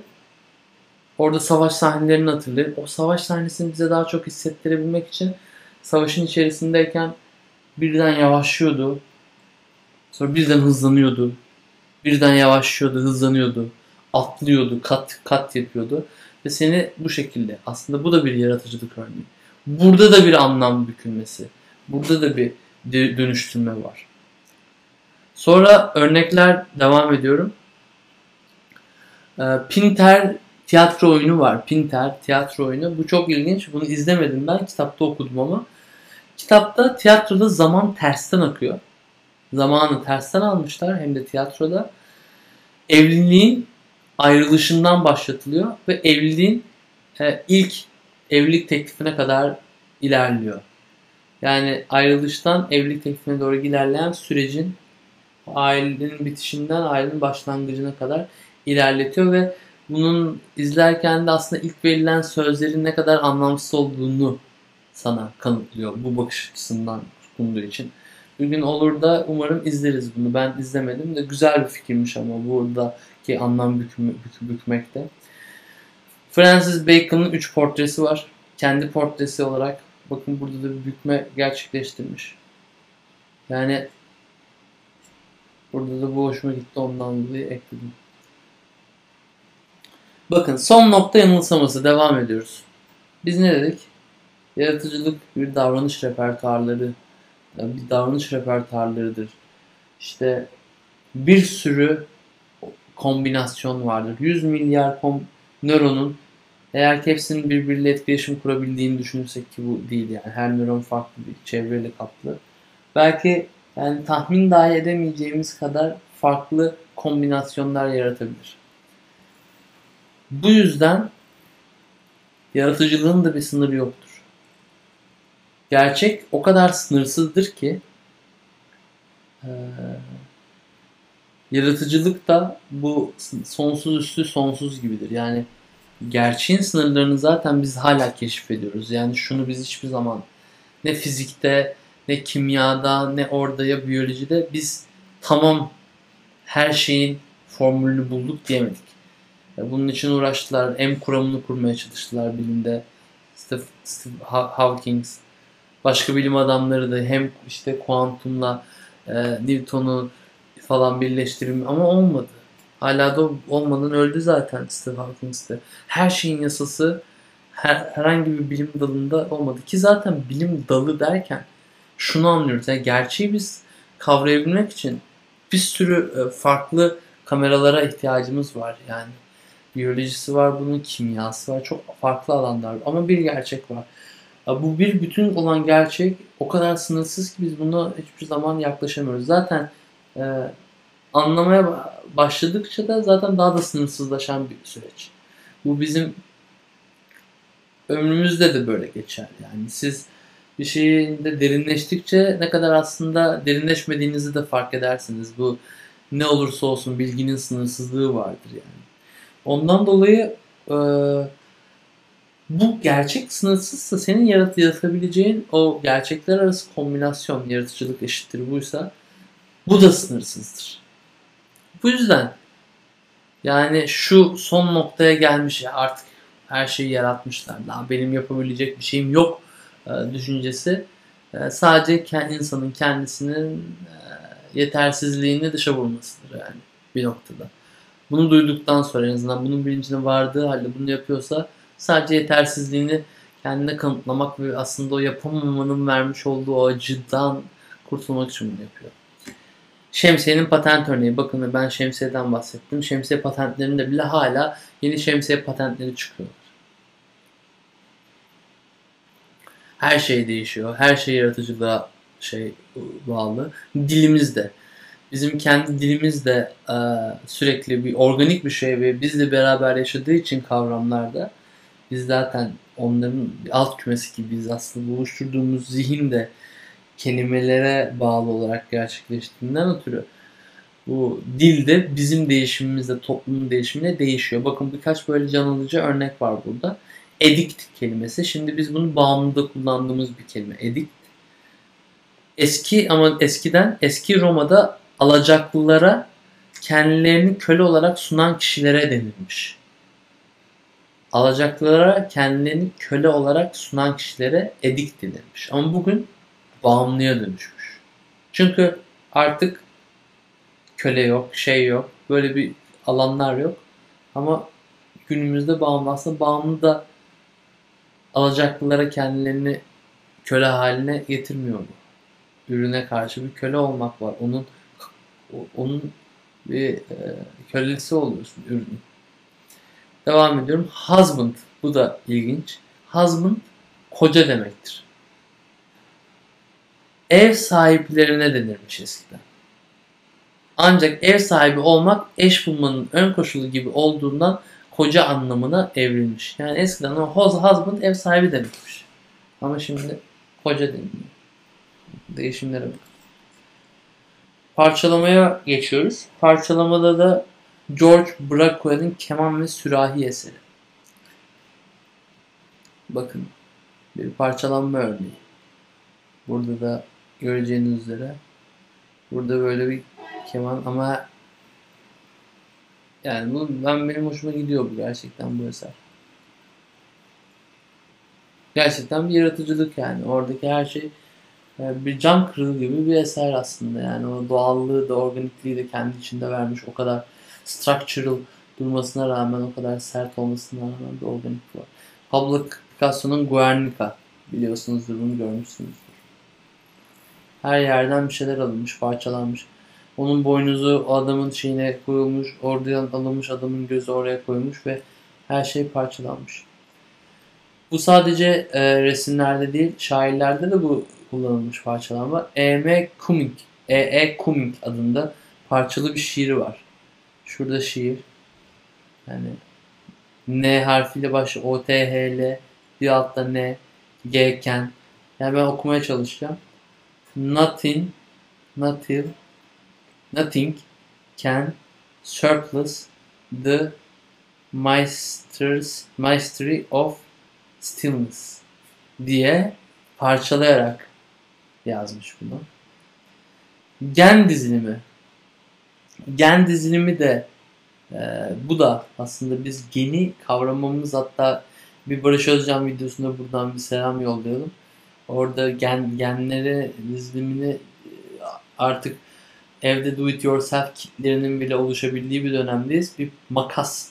Bu en son Nobel alan e, kişi de makas keşfetmişti. Genleri parçalayabilen. Biz genleri parçaladıkça keşfettik. Ne kadar derinine inebilirsek, ne kadar parçalasak o kadar derinine indik. Devam ediyorum. Filmlerdeki zamansal parçalamamız var. Katlar dedik. Fotoğraflardaki dijital pikselasyon durumu var. Aslında biz e, bir görseli aldığımızda şunu bilirsiniz. Ne kadar yakınlaştırırsanız o bir JPEG formatında vertical değilse yani ne kadar yakınlaştırırsanız o kadar bu parçaları böyle ne kadar içine girerseniz aslında her şeyin bir kare olduğunu en son göreceksiniz. Bir renk kodu ve bir kare. Aslında onların birbirleriyle etkileşimidir. Yani biz aslında fotoğraf resimde de bunu gerçekleştiriyoruz. O küçük karelerdir. Buradaki bu ekranlar, beni izlediğiniz ekran bir karedir. Piksel kelimesi de buradan şey yapıyor. Küçük piksellerin dışarı çıkmasıdır. Biz bu pikselleri bulmak için parçaladık. Bu parçadan bütüne doğru gittik ve bu bütünü oluşturduk. Devam ediyoruz. Dinamik mimari parçalı hareketli bina. Bununla alakalı bir video koymuşum. Bakalım. Bu da binaların parçalanmış binaların hareket halinde. Bakın arkadaşlar bu şuraya dönüyor bina kendi içinde. İç içe giriyor. Dubai'de hareket ederek biniyor. Bu yaratıcılığın başka bir örneği. Parçalamak. Devam edelim. Bakın burada da bunun linkleri paylaşırım izlersiniz. Çok uzun sürmesin diye biraz hızlı geçeceğim. Hareket eden binalar. aktif binalar bunlar. Parçalayarak bunu yapabildik. MP3'ün hikayesi. Evet, MP3 şu şekilde gerçekleşti. Şöyle biraz galiba yavaş gidiyorum. Bunu iki bölüm yapabilirim. Bugün hala devam ederken zamanımız da gecikiyor. Yarının sorumlulukları var. Evet. MP3 hikayesine gidelim. MP3 hikayesi şu şekilde. Ee, biliyoruz ki normalde evet anlatıyorum. Biraz koptum kusura bakmayın. Normalde bir sesi kaydettiğimizde bu default olarak yani bu ses e, kaydedildiğinde ağırlık fazla alan kaplıyordu. Ancak bizim kendi kulağımızın bir duyma eşiği var. Bilgisayara kaydedilen o bütün sesi biz o ağır sesi, o gerçek yani arındırılmamış sesi biz duyamıyoruz aslında. Yani orada bizim duymadığımız, o bizim o e, ulaşamayan yani o ses frekanslarını algılayamadığımız tizlik ve tokluk yerleri e, fazladan kaydedilmiş oluyor. Bu da fazla yer kaplıyor. MP3 bir küçültme biçimidir, sıkıştırmadır. MP3'teki olay da bizim zaten kendi ses frekanslarımızı halihazırda bildiğimiz için kaydedilen seste duyamadıklarımızın atılmasıdır, parçalanmasıdır. MP3 bu şekilde ortaya çıkmıştır. MP3 de bir parçalamanın eseridir yani. Evet, harmanlamaya gelin. Bu MP3 çok ilginç gelmiş. Çok yaratıcı bir fikir çünkü. Burada da parçalayarak bunu gerçekleştirdik. Harmanlanmak, süper kahramanlar bir Batman, Spider, Wolverine bunların hepsi bir harmanlama örneğidir. Bu en başta bahsettiğim totem hayvan durumu bir harmanlama örneğidir. Eski Yunan'daki Pegasus bir harmanlama örneğidir. Şimdi harmanlamayı da anlatıyorum.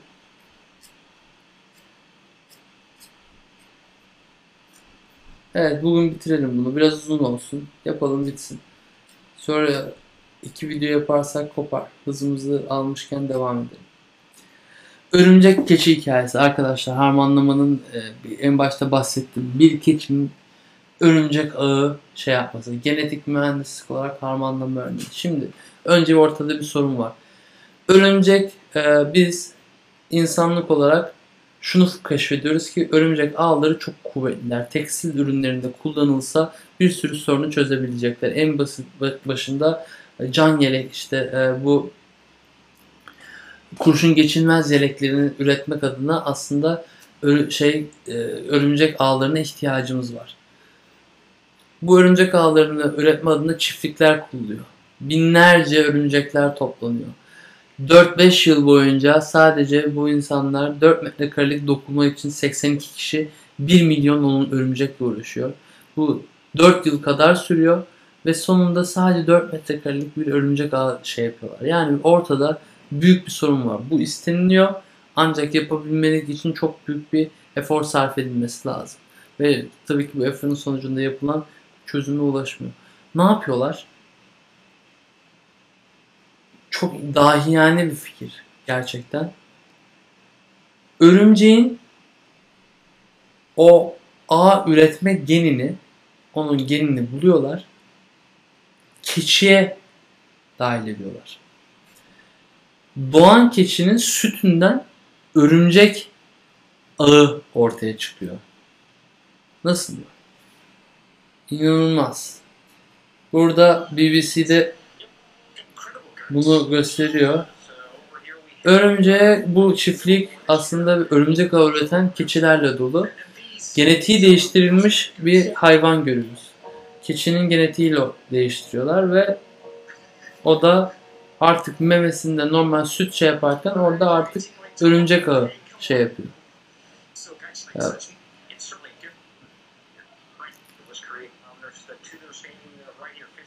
Ya tabii ki burada şey durumları da var yani. Bu çok çılgın bir fikir. Ahlaki durumlar, bu hayvanlar bunlar nasıl etkileniyor? Kafamdaki bir soru işareti şu benim.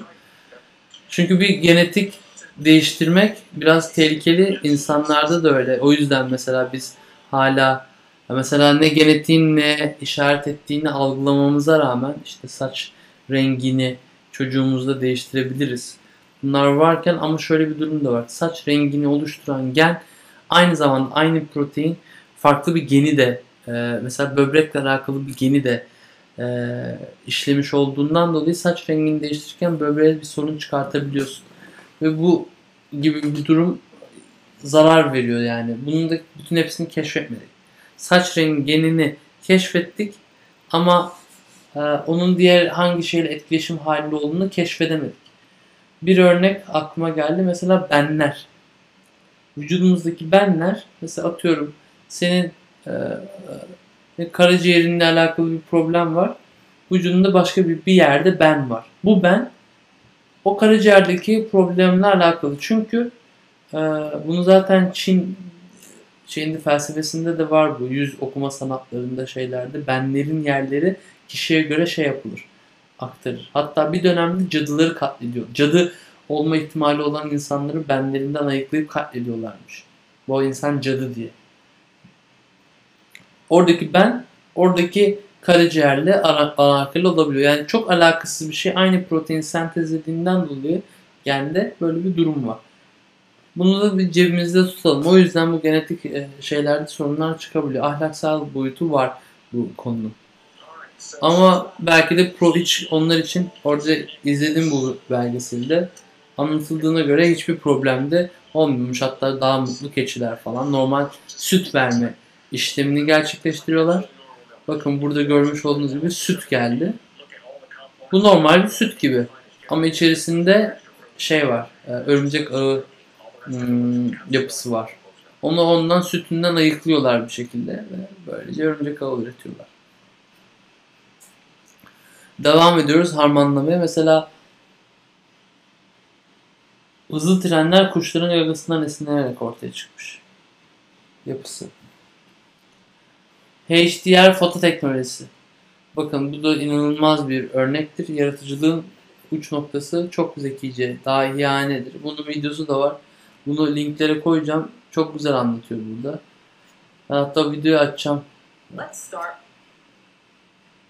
Aa, böyle bir...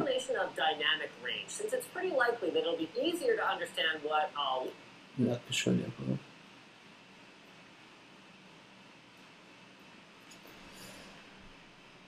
Şimdi burada HDR durumunu ben anlatacağım. Burada onun görseline ihtiyacım var. Ürün yerleştirme yaptık. Tesla veriyorlarmış. Şimdi en başta tabii ki gereksiz bilgiler yazılabilmiş. Ben neredeydim? Evet burası. Şimdi Şimdi HDR teknolojisi şu şekilde. Bizim her telefonda da bu yani yeni telefonların çoğunda da vardır. Kameralarda da vardır. HDR bir fotoğrafı yani fotoğraf çekerken 6-7 farklı şekilde çekiyor fotoğrafı. Her birinde kontrastı birbirinden farklı alıyor. Şimdi burada göreceksiniz. Birisinde ışığın ışığın e, fazla alıyor, birisinde de e, karanlığı fazla alıyor. Yani birisinde exposure'ı yüksek tutuyor. Böylece ışıklar patlıyor. Diğerlerinde ise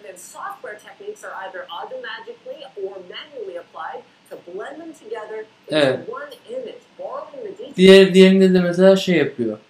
E, exposure'ı çok düşük alıyor. Ve bir sürü fotoğraf çekiyor. Exposure yüksek ve düşük. Ve onun sonucunda o bütün fotoğrafların hepsini e, birbirine harmanlıyor. Birleştiriyor. Böylece HDR. Oradaki algoritma aslında exposure ile farklı fotoğrafları birbirlerine birleştirilmesidir. Ve en sonunda daha can bir görsel ortaya çıkıyor. Karanlık taraflar aydınlatılmış oluyor böylece. Aydınlık tarafların aydınlığı da yani olması gereken aydınlığa alınıyor. Durum bu. Devam. Yaşanılan kültürün yaratıcılığa yan, yön vermesi. Evet. Bakın burada aynı dönemde e, Japon İmparatorluk döneminin aynı döneminde aslında müzik olarak Beethoven'lar vesaireler var batıda da. Aynı dönem Mozart Beethoven varken Japonlar bakalım ne dinliyormuş. Çok ilginç. Ben bunu dediğimde Gabuku adında bir müzik türleri var. Ben bunun sesini açacağım. Buradan siz de duyabilirsiniz.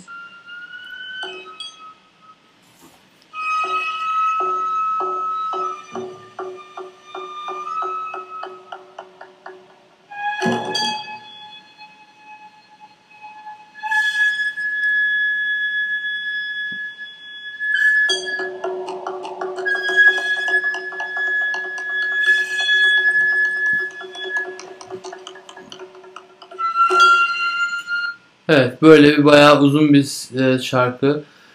Dikkat ederseniz dinlerseniz bu şarkıda şöyle bir durum var. Batı müziğinde melodiler ahenk harmoni melodiler üzerinden gerçekleşirken Japon e, kraliyet müziğinde de şu, sesin yüksekliği ve alçaklığı yani ses gücü bakın. Hmm, biz melodi melodik bir ahenk aramıyor. Dı dı dı dı mesela bir şey değil. O sadece ses yüksekliği.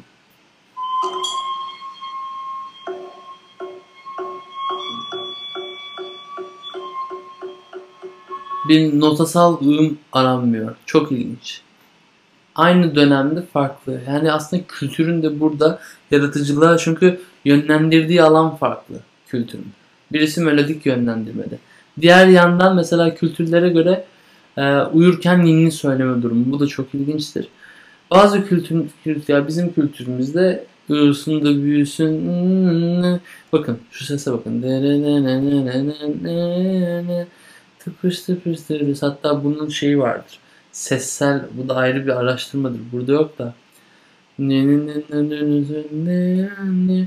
Tıpış sessiz harfler böyle pıs pıs pıs pıs hep böyle. Uyusun da bıs, uyusun da büyüsün.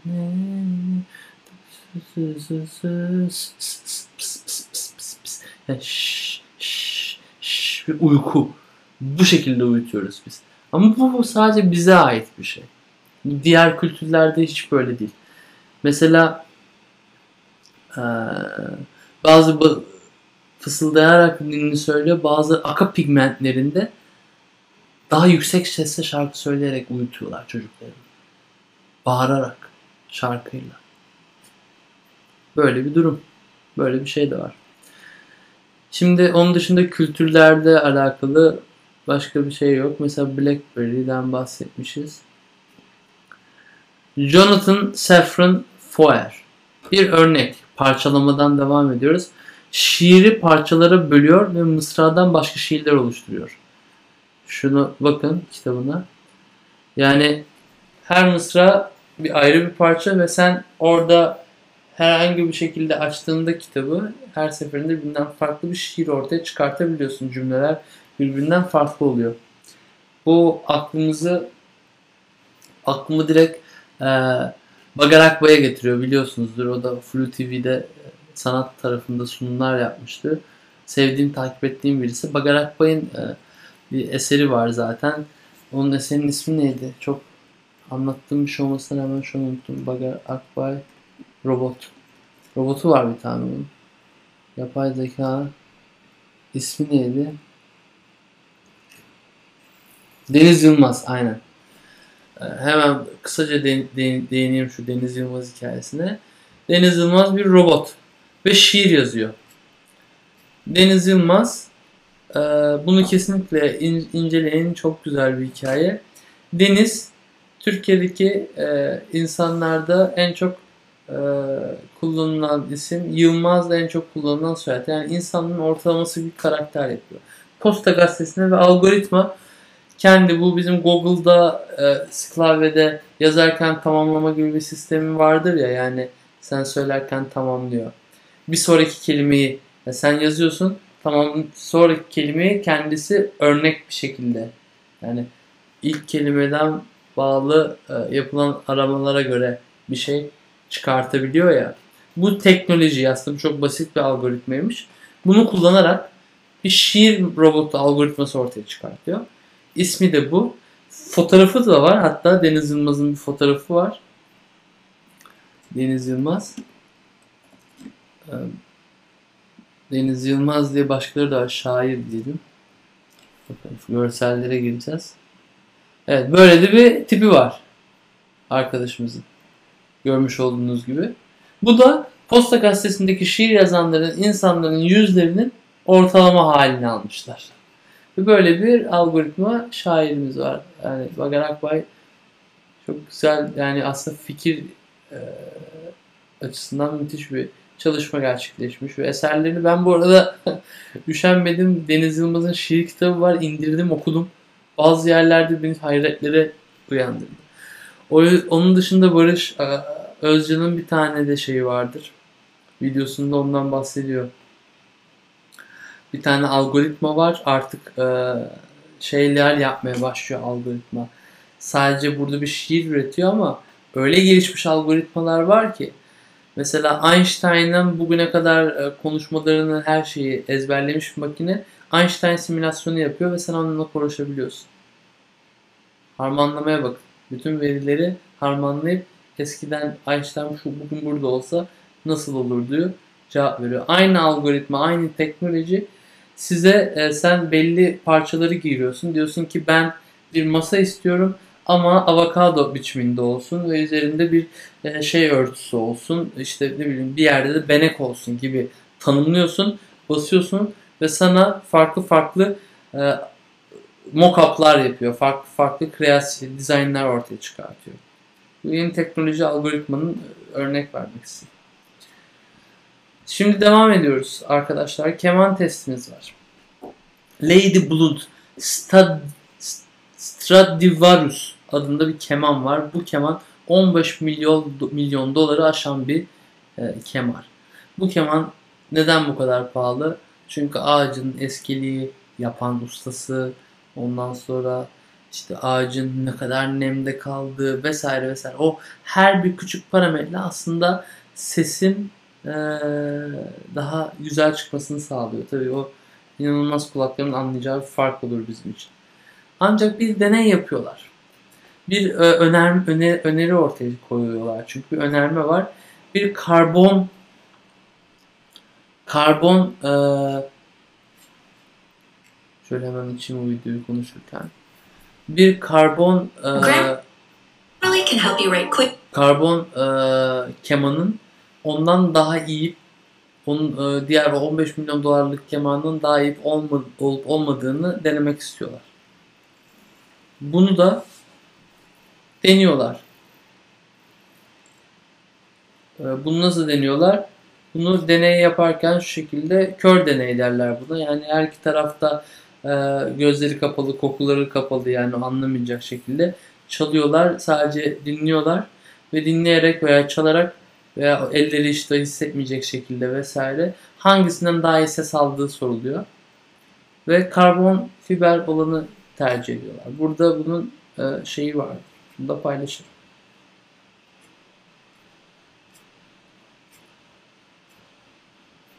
Evet, devam ediyorum.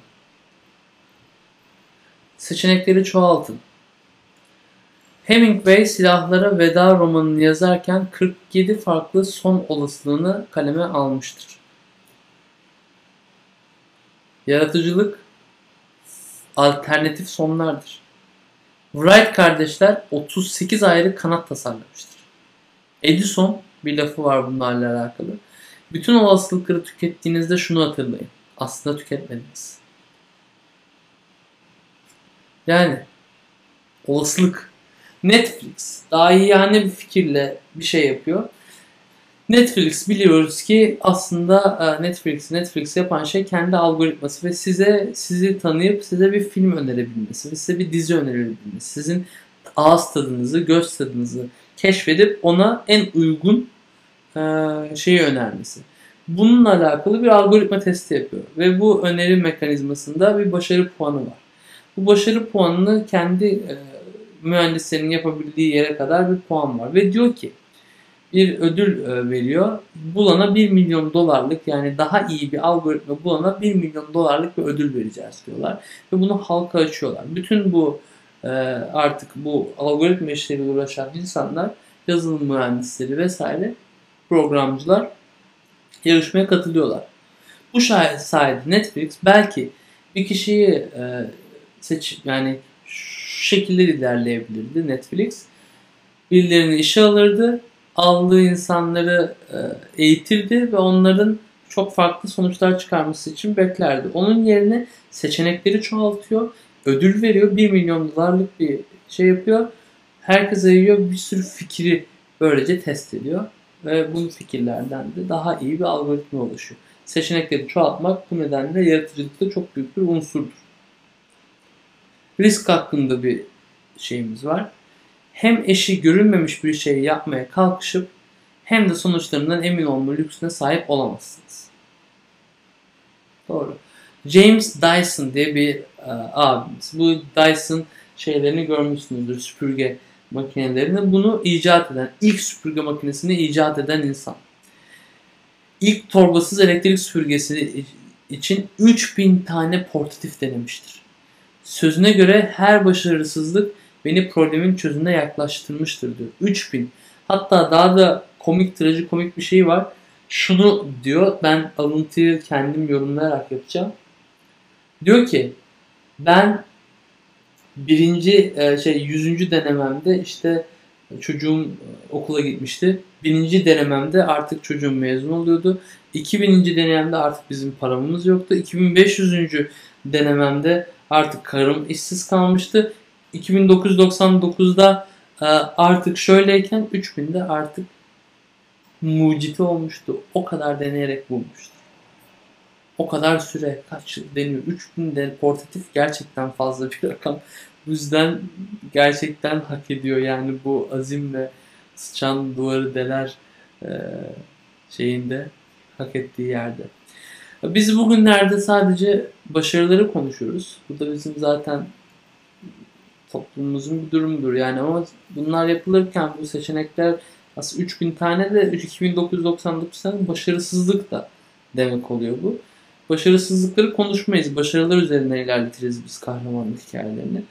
Başarısızlık örnekleri olarak Ford Edsel ve New Coke olayları vardır. Ford Edsel arabayı çıkartıyor. Araba görmüş olduğunuz araba. Ancak ve ancak araba tutmuyor. Belli bir estetik durumlardan dolayı patlıyor. Bu kadar büyük bir yatırım sonucunda hüsranla uğraşıyor. İkinci durumumuz New Coke durumumuz. New Coke ise e, Coca-Cola kendi stratejik e, şeyini değiştiriyor. Bir dakika şunu hemen atlayalım. Coca-Cola kendi görüntüsünü değiştiriyor. Bakın. Coca-Cola normal bildiğimiz e, tipini zaten Coca-Cola'nın hepimiz biliyoruz. Coca-Cola ondan sonra şu klasik yazan Coca-Cola yerine New Coke diye bir e, görsel şey yapıyor. Altta videosu bunu anlatan videomuz da var. Ben sadece görseli göstereyim. Bakın şu şekilde pardon New Coke evet. Şöyle yapıyor. Bütün o 1886'da kurulmuş olması lazım. Siz e, Coca-Cola'nın. 1886'dan beri gelen bir şirket kendi imajını o kadar aslında e, yazı formatında da yansıttığı için bundan vazgeçmesi demek yani sanki bütün bugüne kadar uğraşlarını yok etmek demek. O yüzden büyük bir hüsran oluyor. Satışlar düşüyor. Bundan sonra da 1886 olması lazım ya. Sins diyelim çıkar. Sins 1886 doğru hatırlıyorum. Evet, 1886'dan beri aslında yaptığı bu imajı yan başarısızlıkla sonra hemen döndürüyorlar. Hala başarılı olmasından döndürebildiklerini anlayabiliriz. Google başarısızlık ödülleri veriyor arkadaşlar. Yani Google harikasın gerçekten. Yani Google'ın için önemli şey inovasyondur. Yani teknoloji şirketi olduğu için yeni fikirler bulunması lazım. Bu yüzden ben bunun CEO taraflarında CTO artık hangi pozisyondaysa BBC belgeselinde de izledik. Bunu da linkini şey yaparım. Bu adamın da anlatıyor zaten burada. Kendileri başarısızlık ödülleri veriyor. Bu da onların daha başarılı olmasını sağlıyor. Nedenlerine gelirsek burada notlarım var. I want you to take it. Sen senin risk almanı istiyorum diyor. Sorumluluk konusu, sorumsuzluk konusunda sorumlu ol diyor.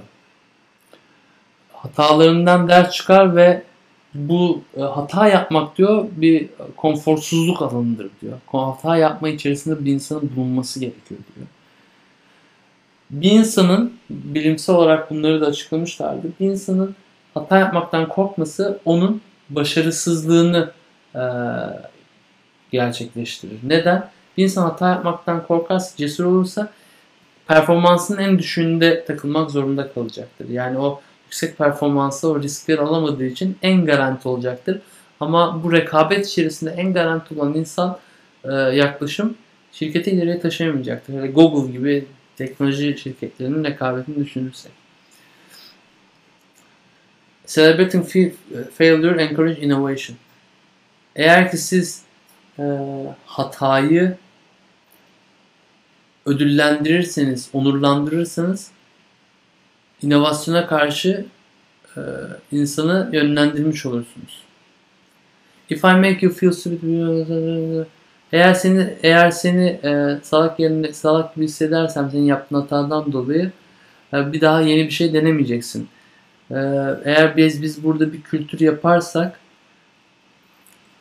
eğer burada senin salak olduğunu e, eğer ki senin yeni bir şey denemezsen salak olduğunu anlatan bir kültür yaparsak burada o zaman başarıya ulaşırız diyor. Tam tersini yapmaktan bahsediyor. Burada Google'ın e, kullandığı 70 ve 20-10 e, şeyinden bahsediyor. Bunları geçeceğim. Yavaş yavaş sona gelmek istiyorum. Çünkü çok uzadı. Bir yere atlamış olduk. Önemli değil. Çok güzel yerlere değindik. Picasso'nun boğa serileri. Bakın. Burada Picasso'nun boğa serileri. Bunu anlatan bir yazı da vardı. Hemen onu da hoşuma gitti. Picasso'nun boğa serilerine baktığımızda Serideki ilk fotoğraf sanki bir fırça mürekkeple çabucak çizilmiş ve spontan. Sonra ikincisinde bakın bunu biraz daha detaylandırmış ve daha güçlü hale dönüştürmüş.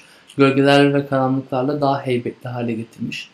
Üçüncüsünde artık onun soyut şekiller ve stilize özellikleri ve tipik Picasso görünümünde başlamaya başlamış. Kesmiş her yeri, parçalamış. Bakın parçalıyor ve e, büküyor da. Yani hem parçalıyor hem büküyor hem de e, bölüyor. Şimdi mesela en sonunda da çok farklı bir stile gelmiş.